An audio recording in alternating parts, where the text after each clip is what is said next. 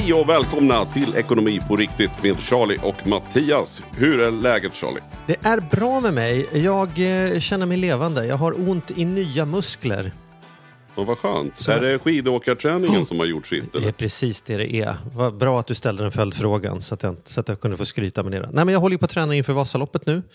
Nu mm. har det mm. varit en intensiv eh, skidvecka.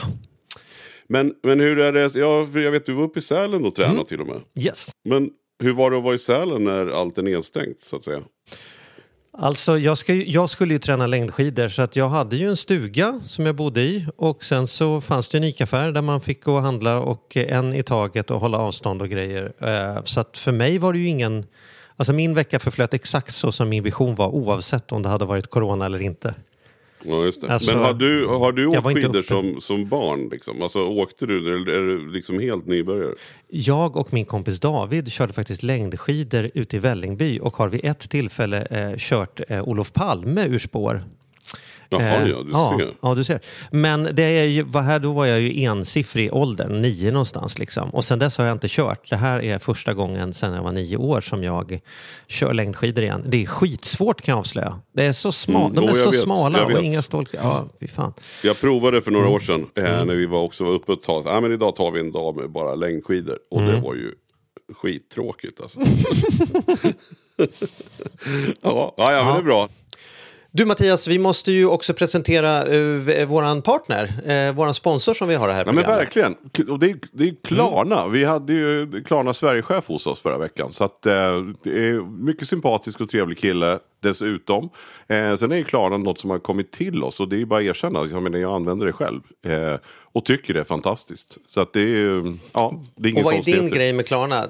Hur började du bli liksom Klarna, att använda Klarna? Det var Apple Pay va? Var det inte så?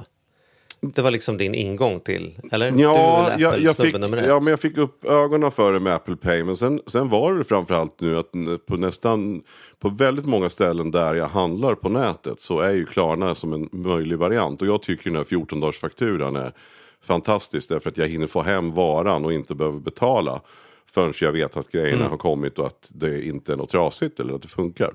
Och det tycker jag, det är, det. det är den största vinningen för mig. Helt klart alltså. Sen man, har också... ju rätt, man har ju rätt att få tillbaka sina pengar om något är fel i alla fall. Men det är så mycket lättare om man inte har lagt ut pengarna först. Att liksom driva det där mot företaget. Ja, det är, är skönt det. ändå att inte betala förrän man vet att saker har funkat. Och det kostar ingenting med den här 14 eh, dagars Nej, men sen gäller det att komma ihåg. Men då kan man ju ställa in på så man får pushnotiser. Mm. För det gäller ju att komma ihåg att det inte går över 14 dagar. För då kostar det ju ränta. Det måste man ju vara väldigt medveten om. Men som jag använder mm. Klarna så kostar det ju mig ingenting. Utan jag får bara en jävligt bra tjänst tycker jag. Men, eh, som För sagt, du har Klarna-appen? Ja, Exakt så. Det har jag också. Ja. Det är ju det som är grejen. Alltså ska man utnyttja Klarna fullt ut, då är det ju appen man ska ha. Så får man tydliga notiser om när det är dags att betala. Man kan ställa in påminnelser och koppla kort och hela karängen. Ja, och det är framförallt. Ja, den är lättskött också tycker jag. Det är inget svårt att förstå den. Men du, det nya då, då som är roligt är ju att i vårt samarbete så finns ju vi nu, vi nu för tiden i Klarna-appen att man kan gå in där och ställa sina frågor. Mm, det är superskoj. Så, Gör det, gör det vet ja, jag. Ställ ja. vilka frågor ni mm. vill. Det tycker vi är superkul. Gärna ekonomikopplat då om ni vill få något vettigt svar. Ja, om ni vill få vettiga svar så är det väl bra att börja den ända. Och vi kommer göra ett eh, program redan om några veckor när vi kommer eh, öppna på den frågelådan och göra det och då kör vi det på temarelationer. Så alla frågor ni har eh, om att tjäna olika, hur gör man med det hemma eller om man är en som är ekonomiintresserad eller mindre intresserad eller om ni har tips på hur man kan göra det ihop, hur tänker man kring familjebudget, alla den typen av frågor, in med dem i Klarna-appen och vi lovar att vi ska göra allt vad vi kan för att verka kloka mm. i alla fall. Mm. Det kan man väl säga. Och frågorna, mm. frågorna är ju alltså man hittar under inspiration, man går in i Klarna-appen och sen inspiration och där finns så finns det två, eh, ja, två herrar, jag behöver inte säga, säga mer. Nej, vi behöver inte namnge dem. Nej, vi behöver inte det. Det kanske är dags att, ja, och vi har ju superspännande gäster med oss i vanlig ordning. Ja. Eh, det ska bli jättekul och de är inte, annars har vi oftast en gäst, men nu har vi två gäster. Ja, men det gick ju inte att välja liksom. en här, det var ju så självklart att vi ville ha båda, eller hur? Ja. Ja. Så enkelt var det. Ja. Så vi tar väl helt enkelt och välkomnar in Susanne mm. och Mats Billmark. Välkomna!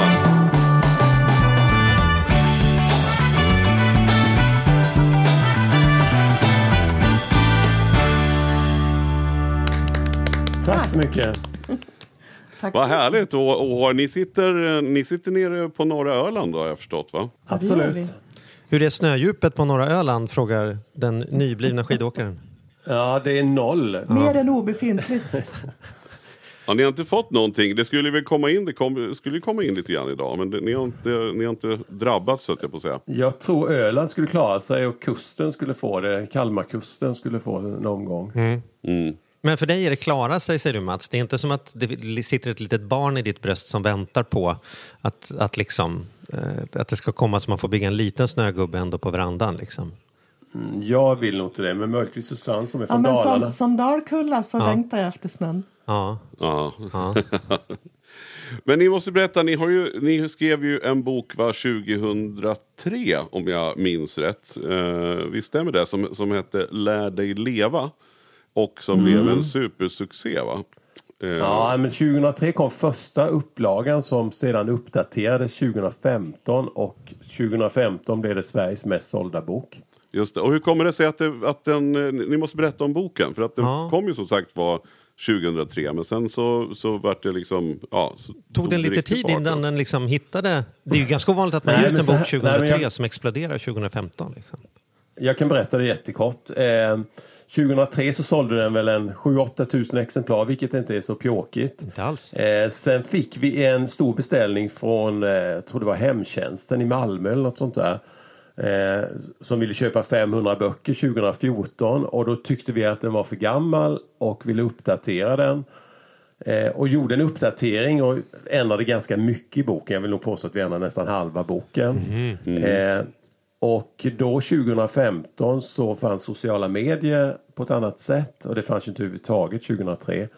Eh, och det innebar att det blev en otrolig grej på sociala medier. Eh, vissa inlägg om boken hade, ja, hade typ 5000 delningar och 15 000 gilla-markeringar och nådde 100 000 människor. Alltså det blev en sån här jätte, jättegrej på sociala medier och folk gillade boken och därför delade de med sig av, av innehållet. Och därav så exploderade boken och blev även en succé utomlands. Den är släppt i 30 länder runt om i världen. Det är ju jättecoolt. Ja, hur, många, hur, många, böcker totalt sett är det som är sålda där ute? Ja, jag tror att det är runt en halv miljon. Åh oh, herregud. Hur känns det då, som man säger i målgång på Vasaloppet? Jag tror, inte vi har, jag tror inte vi fattade det just då, för vi var så inne i... Och dessutom var det ju så att vi gav ut boken själva för att förlagen var inte så intresserade.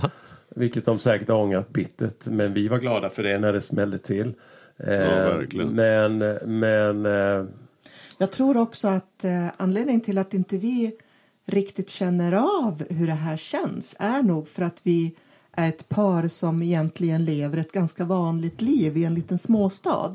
Mm. Kanske det hade varit en större hype kring det här och oss om vi hade bott i en storstad. Vi var ju bara på gästbesök och var mm. i tv-studio, radio och tidningsintervju i Stockholm då och då. Sen stack vi hem till lugnet igen. Mm. Så att... Och vi, sen, sen har ju, och det som är roligt är att det har ju kommit en, en del två nu kan man väl säga. Ja, eller hur? Mm. kom i höstas. Precis, i höstas. och vi, vi skulle egentligen ha setts då när ni var i Stockholm. Men eh, då var det ju coronan som... Nej, ni kom aldrig till Stockholm. För då var det ju nej. coronan där som, som ställde till det. Men, men, men berätt, ni kan väl berätta lite om, om både bok, första och andra boken. Vad, vad handlar det om? För, så att lyssnarna får en bra bild. Mm. Egentligen har vi ju gjort tre böcker. Så mm. den, den nya boken heter ju Lär dig leva nu. Och sen har vi ju en praktisk handbok som ligger mellan de två som heter Lär dig leva i praktiken. Mm.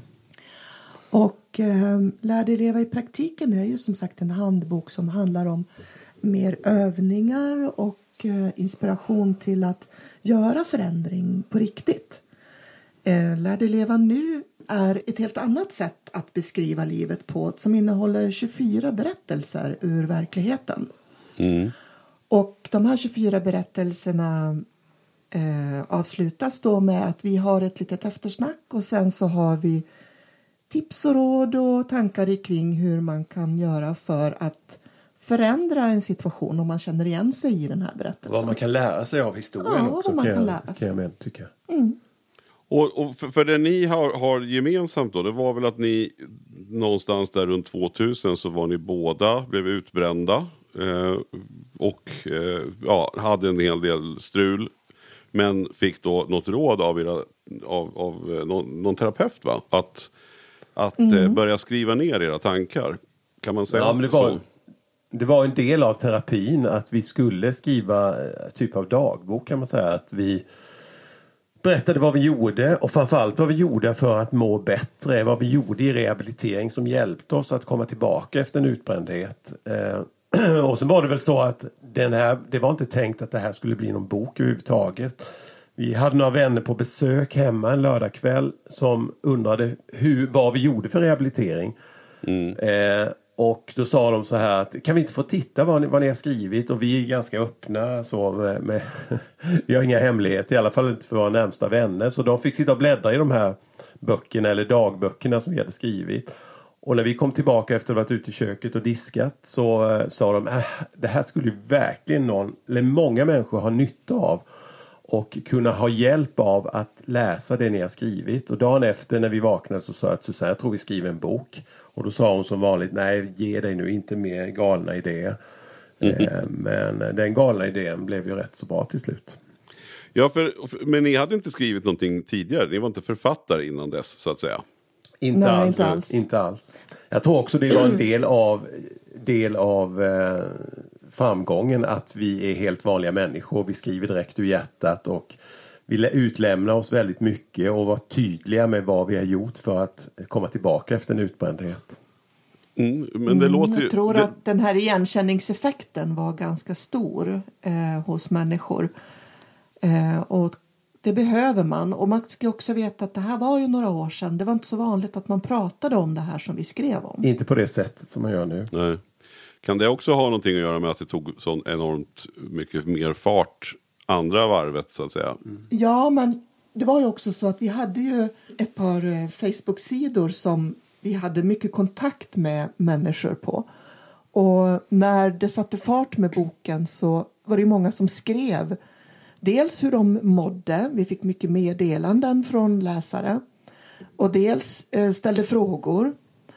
Och eh, det gjorde att vi fick en, en väldigt, väldigt fin tvåvägskommunikation med våra läsare. Mm. Och det där tror jag spred sig och um, gjorde att många blev intresserade och började prata om det vi skrev om. Just det. Och hur, hur, alltså, och, och uppenbarligen så hjälpte det att skriva av sig kan man säga då. Hur, har ni mått bra sen dess höll jag på att säga? Men det har nog varit, grejen var väl det att när vi skrev första upplagan av boken så var det väl mer att jag hade psykiska problem. Alltså jag fick jättemycket ångest, panikångest. Eh, jag diagnostiserades tror jag som en generaliserad ångestsyndrom. Mm. Eh, och det innebär att man är orolig för, blir lätt orolig och lätt eh, liksom stirra upp sig för små situationer. Eh, Susanne var det ju mer fysiskt för. Hon har ju inte haft dem hon har inte mått psykiskt dåligt som jag gjorde den perioden. Mm. Nej, för mig var det mer en, ehm, en utmattning, en eh, fysisk utmattning och jag hade värk i kroppen och sådär. Men sen vet jag inte, jag tänker på det du sa förut att uh, när man skriver av sig, blir man frisk då? Mm. Uh, har, har ni blivit friska nu? Och då tänker jag att livet är ju en, en lärprocess hela tiden. Mm. Det vi skriver om är ju sånt som man får insikter om hela, hela, hela tiden. Man blir ju inte färdiglärd i det här eh, ämnet, om man kan säga så. Och, och, vi lär oss ju hela, hela, hela tiden. Jag tänker till och med nu den här sista boken vi skrev hur, hur det kommer nya insikter under skrivandets gång. För vi är också väldigt nyfikna. Vi vill ju också lära oss, ta till oss så mycket som möjligt. Ja. För vi är så intresserade av de här ämnena. Mm. Ja, och sen är ju skrivandet, det går nästan inte att förklara riktigt, men skrivandet i sig ger ju en, en ytterligare en dimension på det man ska beskriva. Mm. När man skriver ner någonting så blir, kommer nya klarheter upp. Ehm, ja, det är lite svårt att beskriva, men alla borde egentligen skriva. Mm. Alla borde egentligen skriva dagbok för att det, det blir en helt ny eh, ett nytt sätt att se på sig själv och sitt eget liv när man skriver ner det och formulerar med ord så. Mm. Så för oss är det ju en ständig lärprocess och vi hamnar ju rakt ner i gropen ibland fortfarande mm. och behöver hjälpa varandra och ta mm. oss upp. Men spännande, jag tänker att vi skulle vilja lära oss lite också då, för att ja. visst är det väl så här Mattias att om, nu, nu provar jag, nu, nu kastar jag mig ut, får du säga emot här, men av oss två så upplever jag att du generellt sett Mattias är mer orolig än jag är. Mm. Att det alltid har varit så att du är, du är lite, du är alltså inte orolig som att säga någonting om Mattias, det är han den där oroliga. Men jämför man oss två, då är du fortare orolig. Mm. Och jag kan väl uppleva att jag å andra sidan då är fortare på att stänga av. Lite mer som Susanne säger här, så här men du vet, jag gör orimligt mycket saker eller stressar på bara för att ja, men det måste bli gjort. Jag, får bara, jag bara stänger av hur det känns. Liksom. Där du är mycket bättre på vad som så här, men vänta nu, nu är det för mycket eller det här pallar vi inte eller det här säger vi nej till. Liksom. Mm. Så där, mm. där är vi ganska, liksom, jag ska inte säga att vi är lika så, men vi skulle ju båda behöva lära oss någonting. Om vi ska börja med orosfrågan hur vet man om man är för orolig eller bara är en liksom normal intelligent människa som, som förutser problem och därmed kan ja. hantera dem innan? Liksom? Va, ja. När ska man få en varningsklocka på nu är den här oron mer destruktiv än konstruktiv? Eller är all oro destruktiv? Va, vad tänker ni? Nej, absolut inte. Oron är ju egentligen en urgammal eh, funktion i oss som är till för att vi ska överleva. Men när oron börjar påverka ditt liv och när det framförallt börjar begränsa ditt liv. Din vardag skulle jag säga. Och när det börjar begränsa din vardag, då behöver du fundera på vad du ska göra. Hur ser man det då? Hur var det för dig Mats? När såg du så här, fan nu går jag omkring och är liksom oron tar plats så som sig självt, inte bara sakfrågan utan Nej, men jag, tror, jag tror att det, det tog mycket på min energinivå. Jag var ständigt trött och jag kände att jag ältade saker som jag var orolig för om och om igen. Och det här var liksom ett, någonting som upprepades varje dag, liknande oros... Eh, det var liksom inte orolig för små, en ny sak varje dag utan det var liksom samma teman som återkom eh, ofta. Och som gjorde då att ja, det tärde på min, min, tärde på min energi och det tärde på min sömn. Och eh, jag också tackade nej till saker. Dels för att jag kände mig obekväm i vissa situationer men också för att jag inte orkade. Mm.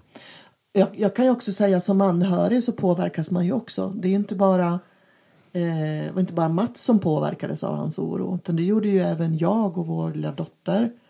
För eh, när han gick in i sin orosbubbla som jag kallar det för då var det ju väldigt svårt att ha kontakt med honom. Det var, han hade ju väldigt svårt att fokusera och, och det blir ju svårt med en partner när man inte kan kommunicera och ha ett beteende mellan varandra som alltså, fungerar. när du säger bubbla så var det inte så, alltså det var ju så att, men, men jag var liksom inte Alltså jag var inte hundra med. Nej, det var inte så att jag var hundra borta på något vis. Men, men, jag var inte, jag var liksom inte hundra med som jag, är, som jag är idag. Och då kan man ju säga att då, då kom det till nästa steg. Då kom det till ångest. Alltså det är en trappa kan man säga. Först är man orolig. Eh, sen när det trappas upp, då kallas det ångest. Och när ångesten trappas upp, då blir det panikångest i sista steget. Och då är det liksom fysiskt med, med svettningar och ökad puls och, och, och en hel del andra fysiska besvär. Mm. Och Men när jag gick undan så var det nog mer blir... ångest. Hur gör man då om man, om man liksom fortfarande är på orostadiet? För nu lever ju en tid när många är oroliga för om deras släktingar och de själva ska vara friska eller sjuka. Många är oroliga mm. för hur länge de orkar vara ensamma. Många är oroliga för om de ska få ihop ekonomin under den tiden som de har nedsatta pengar. Många är oroliga för om företaget ska överleva. Man behöver inte slå på tvn eller öppna Facebook speciellt många sekunder för att hitta nya anledningar att vara orolig om man letar efter det. Liksom. Hur gör man mm. för att liksom, vad har ni kommit fram till när ni har fört de här diskussionerna? Hur kan man hjälpa människor som är oroliga och hur kan man hjälpa sig själv när man är orolig för att inte hamna liksom hela vägen ner i panikångestträsket? Liksom? ja, det, det, det är ju en otroligt bra och viktig fråga just nu. Men, eh, och det, den är svår. Det är en svår fråga. Eh, och det är jättesvårt att svara på eftersom vi har en sån så olika benägenhet att vara oroliga.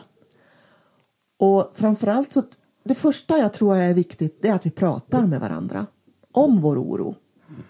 Att vi pratar med alla runt omkring oss vad vi är oroliga för, varför vi är oroliga om, omkring just det. Därför att när vi får ett samtal kring oron så får vi ett bollplank som kan eh, på något sätt eh, bolla tillbaka. Och jag tror för att är man orolig för någonting så är det lätt att oron eskalerar. Därför att det kan också vara så att oron inte är realistisk. Det kan vara så att oron inte är eh, rimlig. Och då behöver man ett bollplank för att kanske få lite distans till oron också. Jag tror också att man, man lyfter, när man pratar om det högt med en partner eller en god vän så, så får, blir det mer, alltså förstår du, när man bara ältar det in i sitt eget huvud hela tiden så förstår man lätt upp det. När man lyfter fram det och börjar diskutera det så, så får man mer distans till det och kan också känna att det kanske inte är är, är riktigt så allvarligt som man tror att det är. Och här tror jag är ett jätteproblem för oss män. Eh, vi män är ju oftast dåliga på att snacka om sånt här. Vi, vi, eh, det är kvinnorna som, som lätt, de, de för ett annat, det visar också självmordsstatistiken som är över, jag tror det är 73 procent av alla självmord i Sverige görs, eller utförs av män. Det är helt galen statistik som man inte riktigt vet om. Men jag tror också det beror på att männen ältar, ältar och inte har någon, eller som man inte vågar. Man vågar inte visa sig svag som man på det sättet. Kvinnor är mycket, mycket, mycket bättre på det här. Mm. Mm. Mm. Jag kan känna igen mig det och jag tror inte att det det kan ju vara det, att jag inte vågar visa mig svag. Men jag har också mm. noterat någonting annat. Det är ju... Alltså jag litar inte på att andra människor runt omkring mig kan liksom eh, eh, inte börja fixa med hur jag mår. Liksom, mm. Om jag säger så här, ja, okay. jag är jävligt nere idag och är ledsen. Då är jag rädd att då ska Mattias liksom känna att, jaha, men gud, känner du så? Men du, kan vi göra det? Alltså, så här, och då ska jag ta hand om att han ska ta hand om, alltså blir så här, det blir ytterligare, nu är du mm. också indragen i detta. Jag har nog med att försöka mm. hålla humöret uppe själv. Nu ska jag dessutom hantera att du tycker att det är jobbigt att jag är ledsen. Liksom, så här, att jag, jag kan, mm. liksom, jag, bättre jag går hem och löser mina problem, om de är finansiella eller om de är relations... Bättre jag löser det själv än att hålla på och prata med någon annan, för då behöver jag ta hand om dem till slut också. Liksom. Ja, Men det, det, är det här svåra i att vi har så svårt att ha tillit till att var och en tar ansvar för mm. sina egna känslor och det man själv mm. säger och ger sig in i. Mm. Uh, och det, det, tror jag är också någonting vi behöver öva på. Att om, om, jag, om jag säger någonting så är det mitt ansvar. Om jag gör någonting så är det mitt ansvar, inte ditt. Mm. Om du svarar an på det så, så är det ditt ansvar att du har gjort det. Uh, och ja, det är någonting vi också behöver ha tillit till. Men jag tänker också det här med oro att vi behöver, vi behöver få lite distans till oron. Där kan ju också skrivandet vara en, en grej. Att man, eh, när man skriver ner saker så ser man på det på ett annat sätt. Man kan fråga sig, Mats har ju en teori om det här med oro och ångest, att han brukar ställa sig frågan, är det sannolikt? Är det sannolikt att det här ska hända? Det som jag går och har oro för eller har ångest mm. för. Mm. Ja men alltså så är det ju ofta. Det finns något som heter sannolikhetsteorin eh, som man jobbar med, mycket som jag fick lära mig när jag gick till terapeut. Eh, just det där, lyfta fram det och vi har en övning i en av våra böcker som, eh, där man skriver ner ett antal saker som oroar, oroar en varje dag. Sen så stämmer man av på söndagskvällen och tittar på hur mycket av det här har inträffat. Och det visar sig alltid att ja, minst 95-99 procent har aldrig hänt. Så är det nästan med alla orostankar. Vi skruvar upp det och vi tror att och sen eskalerar det och vi skruvar upp det ännu mer och vi tror att det och det ska hända. Men det händer aldrig. Och att, att göra så att man skriver ner det som oroar en eh, dagligen eh, och titta på det om det inträffar eller inte. Det, det, det, då får man liksom distans till det och se att fasen det är helt onödigt att jag går med massa sådana här knasiga orostankar. Men sen finns det ju också det, det finns ju också att träna fysiskt gör ju också att det lättar på trycket. Fysisk träning, om det så är raska promenader eller om du går till gymmet eller vad du gör. Det är ju en annan, det är ju en annan del som man kan, man kan göra för att oroa sig mindre. Och det där är ju, det är också så ja, precis, och det, där, det låter ju, och, och, så vet vi ju, och det är ju jättebra. Och jag tänker också att oro generellt, men om man om du tänker att man sitter med två obetalda hyror eller att man har en avbetalning på ett lån. Som man, det är ju sant då för den personen. Mm. Eh, även om man skriver ner det eh, så är ju när man kommer till söndagen så kommer det fortfarande vara så att hyran är obetald. Eh, mm. Har ni då tips liksom, kring ekonomin om man hamnar i, i, det, i det läget? Alltså överhuvudtaget när man sitter med ett konkret problem som man oroar sig över. Så, så jag kommer tillbaka till skrivandet. Skriv ner. Vad är problemet? Vad beror det på? Hur ser det ut? Lägg, I detalj. Och lägga upp en strategi. Och sen lägga upp en strategi. För när man agerar så är själva agerandet ett lättande för oron. Precis. Att, att göra någonting konkret, göra någonting åt det. Om det så bara är en litet, litet steg. Det kanske bara är till och med att ringa någon och fråga kan jag låna några pengar av dig? Kan jag låna några kronor? Kan du hjälpa mig eh, få, få en plan på det här? Eh, eller vad som helst. Eh, vad det än är för litet steg så är det lilla, lilla, lilla steget eh, gör att oron lättar lite. Det där tror jag är jätteviktigt, för det känner jag igen, att människor fastnar i man letar mm. efter vad är rätt sak att göra eller vad är det som kommer mm. lösa hela biffen. Och sen så, mm. så missar man att, att, bara att återta handlingsfriheten att göra någonting. Även om det man gör kanske visar sig i slutändan vara till och med kontraproduktivt. blir ändå mm. produktivt för det för en ändå till en ny plats där man kan se saker på lite nya sätt och så får man tillgång till nya grejer. Och att den där mm. liksom spiralen, den negativa spiralen av att inte göra någonting går väldigt fort att bota med en positiv spiral av att göra någonting. Nästan vad fan mm. man än gör så länge man gör någonting. Liksom. Ja, för, för också när du skriver ner alla detaljer kring ditt problem då kan du dessutom börja ställa dig frågor. Hur ser det här ut? Vad är det första lilla, lilla steget jag skulle kunna göra redan idag? Vad skulle jag kunna göra imorgon? Vem kan jag ringa? Vem kan jag be om hjälp? Vem skulle kunna stötta mig? Eh, och ställa alla de här eh, viktiga, viktiga frågorna. Då får man till slut eh, Eh, en uppdelning av sitt problem och då är det mycket lättare att ta tag i de här små delarna. Mm. Jag tycker det är spännande här med att vi, att vi är oroliga för fel saker. Det har jag ju mm. sagt några gånger tidigare i den här podden. Att jag, jag som är höjdrädd då till exempel, om någon skulle säga så här, du får 100 000 om du åker, liksom ta en taxi till Gröna Lund och så gör du fritt fall. Så skulle jag på riktigt tacka nej till det. Jag skulle inte ta en taxi till Gröna Lund och åka fritt fall för 100 000 kronor. Därför att jag är så orolig för fallet. Å ena mm. sidan. Å andra sidan är jag ju en smart människa så jag vet ju att risken ligger ju i taxifärden. Det är ju betydligt fler människor. Ja. Alltså, eh, det går inte ens att sätta siffra på hur många procent mer som dör i taxi än som dör i fritt fall. Mm. Det har väl aldrig dött någon i fritt fall någonsin. Mm. Så jag har liksom någon medvetenhet kring att jag har, jag har oro och jag är rädd för saker men det har ingenting med vad som är farligt att inte göra. Och bara det är ju en frihet. Att det som är farligt är jag inte rädd för och det jag är rädd för är inte farligt. Men därmed inte bara fnysa på näsan och säga det, det är att jag är orolig. Det ska du fan inte vara. Ja men är jag det så är jag det. Då, då liksom gäller det att erkänna det. Inte som att det betyder att det är farligt. Men mm. åtminstone erkänna att jag är orolig och inte trycka undan det och säga så här, men då får vi hantera oron då, även om vi inte behöver hantera... Jag kan inte lösa coronasituationen, men jag kan ju lösa hur orolig jag är när jag går upp på morgonen eller hur farligt jag bedömer att det är genom att, ja, men det, läsa på eller välja mina kanaler var jag tar information från eller lägga en plan för så här agerar jag, det här tror jag på, kommer det funka så funkar det, funkar inte så litar jag på att jag kan skapa en ny plan och så vidare. Mm. Mm. Och det är det som är så farligt för att därför tror människor att de inte har något val. Men när man förstår att man har ett val i att hur man hanterar eller agerar eller tänker kring det så, så då blir ju ens liv annorlunda faktiskt.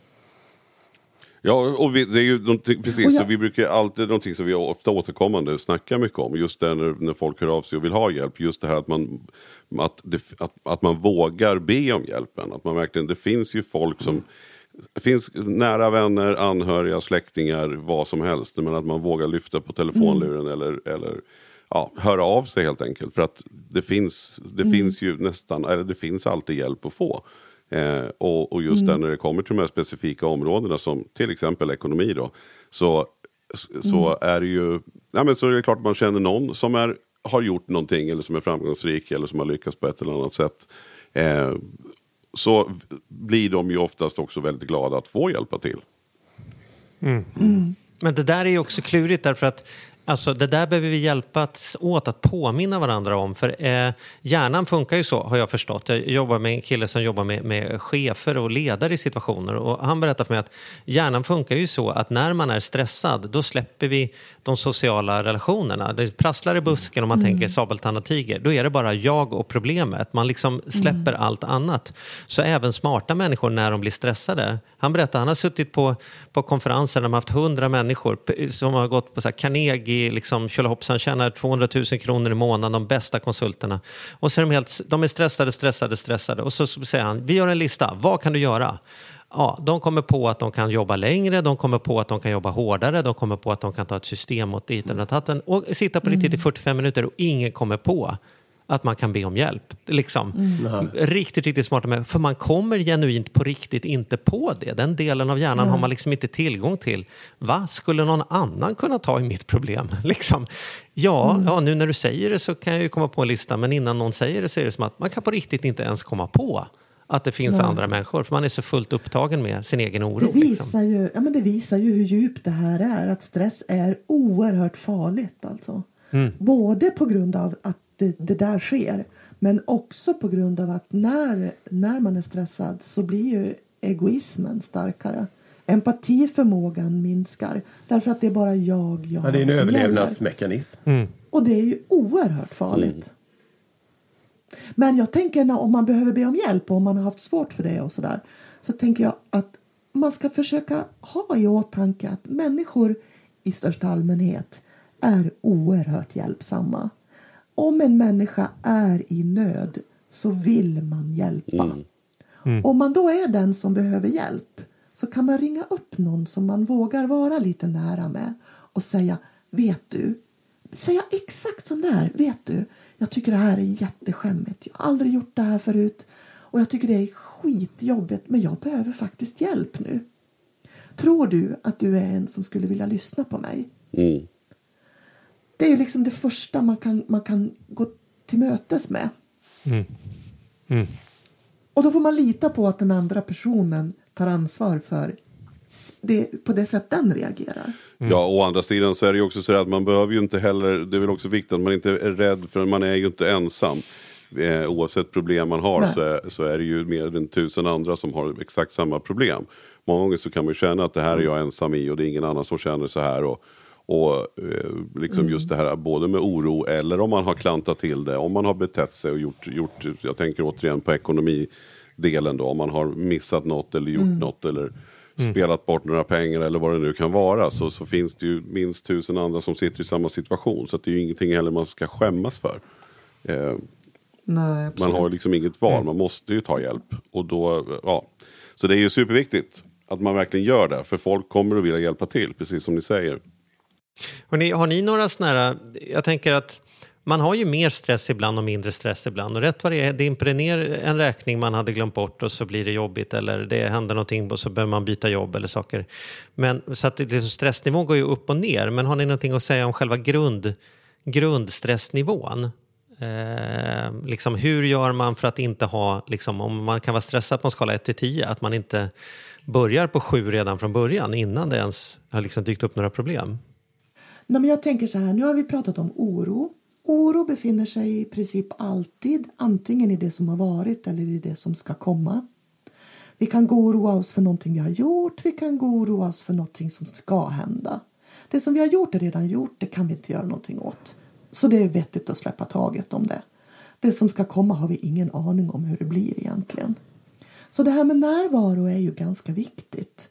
För i närvaron så, så är det ju här och nu. Och det är också i närvaron du kan agera. Precis det vi pratade om tidigare. Att vad är det som gäller nu? Vad kan göras nu? Och hur kan jag tänka nu? Mm. Uh, och så Många tänker nog, tror jag, att det här med att träna närvaro är flummigt. Men jag skulle vilja säga att det är precis tvärtom. Det är väldigt konkret. Det är ju också ett sätt att, att eh, eh att vara närvarande är ju ett sätt att vara i verkligheten. Det, för det är, ju, Det är ju i närvaron i ögonblicket och det som är precis just nu som är det som händer på riktigt. Det är det som är det riktigt sanna egentligen. Alltså många stora företag idag har ju tagit in det här. Det finns ju massa, massa konkreta bevis på att eh, när man tar in det här bland sina anställda eller man lär anställda får gå kurser eller får gå ut en typ av utbildningar så får man en mycket lugnare och faktiskt mer effektiv personal. Eh, och det, vi har inte hamnat riktigt där i Sverige än tror jag men många, många amerikanska företag har ju närvaro eller mindfulness-träning på arbetstid. Vilket har gett fantastiska resultat. Mm. Mm. Ja, och jag tror att egentligen är det för enkelt. Och när det är enkelt, då tror inte människor att det har någon effekt. Det kanske är, det kanske är just ja, så enkelt som du säger att man bör vara, ja. alltså vara i, i nuet eller i medvetandet så att säga. Ja, alltså vi brukar säga det att kroppen och tanken ska vara på samma ställe. Man behöver vara med tanken i det man gör just nu. Då är man närvarande. Och det kan man ju träna vad man än gör. Det handlar inte om att bara sitta och meditera. Det handlar ju om att när jag eh, pratar med någon så är jag med i samtalet. Jag har ögonkontakt. Jag lyssnar verkligen. Jag står inte och tänker på vad jag själv ska säga härnäst utan jag lyssnar på vad den här personen säger. När jag till exempel eh, äter så är jag i måltiden. Jag känner hur det smakar, jag känner vad det doftar. Eh, när jag står och diskar så är jag i diskningen. När jag lagar mat är jag i matlagningen. Eh, jag, tror, alltså jag, jag kan känna att ett bra exempel är det som händer precis just nu när vi sitter och poddar med er. Eh, nu måste vi, jag kan inte sitta och tänka på vad jag ska göra om en timme eller vad som händer till helgen eller, eller diverse problem som, som jag har runt omkring mig. Utan jag måste vara fokuserad på vad ni säger 100 procent. Mm. För annars så missar jag och vet inte riktigt vad jag ska svara på era frågeställningar. Så att just nu så är jag helt fokuserad på vad ni, mm. på vad ni gör. Och jag tror att har man, kan man få sin personal, om man pratar ett företag då, att bli mer fokuserade så finns det ju oerhörda vinster med det. Du får en, du får en mycket mer harmonisk personal. Du får en personal som eh, sover bättre, får bättre relationer hemma. Eh, det är ju den här splittringen och den split skulle man räkna ekonomiskt på hur, hur ineffektiv man är när man är så splittrad som väldigt, väldigt, väldigt många människor är idag. Mm. Då, då skulle man nå ohyggligt stora belopp. Mm. Mm. Ja, verkligen. Ja, ja intressant. Nej. Jag, blir, jag blir fascinerad när jag pratar med, med liksom, det händer ju att jag är ute på Facebook och så ser jag hur fort människor svarar. Ja. Då, tänk, då tänker jag så här, det är helt fascinerande. Den, det här är en person som är anställd och har ett jobb men uppenbarligen kan alltid svara inom 60 sekunder på Facebook. Det måste betyda ja. att den personen mm. sitter och hela tiden uppe och följer 120 mm. olika konversationer och sen ska mm. göra sitt jobb och sen dessutom mm. ska försöka prata med kollegor och mm. troligen ha 22 push-notiser om det har varit ett jordskred i Peru och vilken tv-serie mm. som kommer släppas till hösten. Mm. Och jag tänker så här, jag, jag, fattar inte, jag fattar inte att människor inte går in i väggen redan utan ett jobb. Och sen så skyller man på jobbet i slutändan. Alltså. Liksom. Så säger man, att det var för mycket på jobbet, där fick jag in i väggen. Då brukar jag ju tänka i mitt stilla sinne, var det verkligen jobbet? För jag kan hitta en rad andra saker som gör att du borde typ vara utbränd redan innan du går upp på morgonen. Liksom. Mm. Mm. Ja. Mm. ja. Ja, men ja, det är, det är min intressant. egen gubbiga åsikt. Nej, men den, här, den här gubbiga åsikten du har, den är ju den att vi är ju väldigt mycket på skärmar mobiler, iPads, eh, datorer, tv-apparater. Vi är ju på dem mycket, mycket, mycket mer än vad vi vill erkänna och det skär ju enormt med tid. Och människor säger att de har inte tid heller. Mm. Eh, mm. Men, de, men de här skärmarna skär ju, ja. skär ju enormt med tid från oss. Men vi brukar säga det när vi är ute och föreläser, så då får vi, vi tränar ju till och med andningsträning med publiken när vi är ute på våra föreläsningar.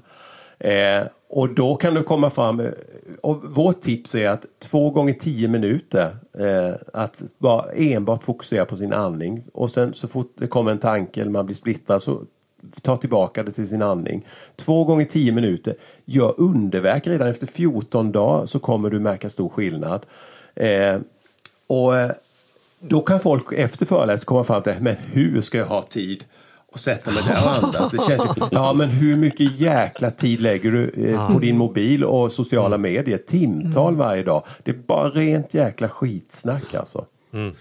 Mm. Vad kan man hitta ja, om man nu vill köpa boken, eh, den sista mm. här? Och vart, vart, hur når man er? Har ni någon hemsida? Eller vad, hur... Ja, absolut. Och hur... Vi har en hemsida som heter La dig leva. Alltså lär dig leva utan ä. La dig leva gmail.com är vår mejladress mm. om man vill mejla. Och la dig leva punkt nu. Punkt nu är vår hemsida. Ja, perfekt. Mm.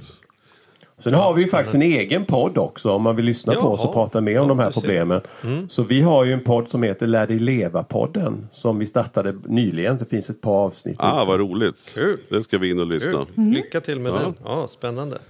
Ja. ja. Inte när jag är ute och springer dock. För att jag, det är den vanligaste frågan jag får om min löpning. Det är jättekul. Det är, vad lyssnar du på när du springer? Då brukar ja. jag säga, jag lyssnar på mina egna tankar. Ja, så springer jag så springer jag. Jaha, mycket precis. bra. Mycket ja. bra. Ja, mm. härligt. Nå, det var fantastiskt spännande att få prata med er idag. Kul! Lycka till! Ja, eh, ja tack, tack snälla. Detsamma. Otroligt viktig fråga. Ja, verkligen. Mm. Härligt! Ta hand om er. Ja, ni med. Detsamma. Ha det så tackar, bra. Tackar, Tack så Ha det gott. Tack så mycket. Tack. Hej då. Hej då.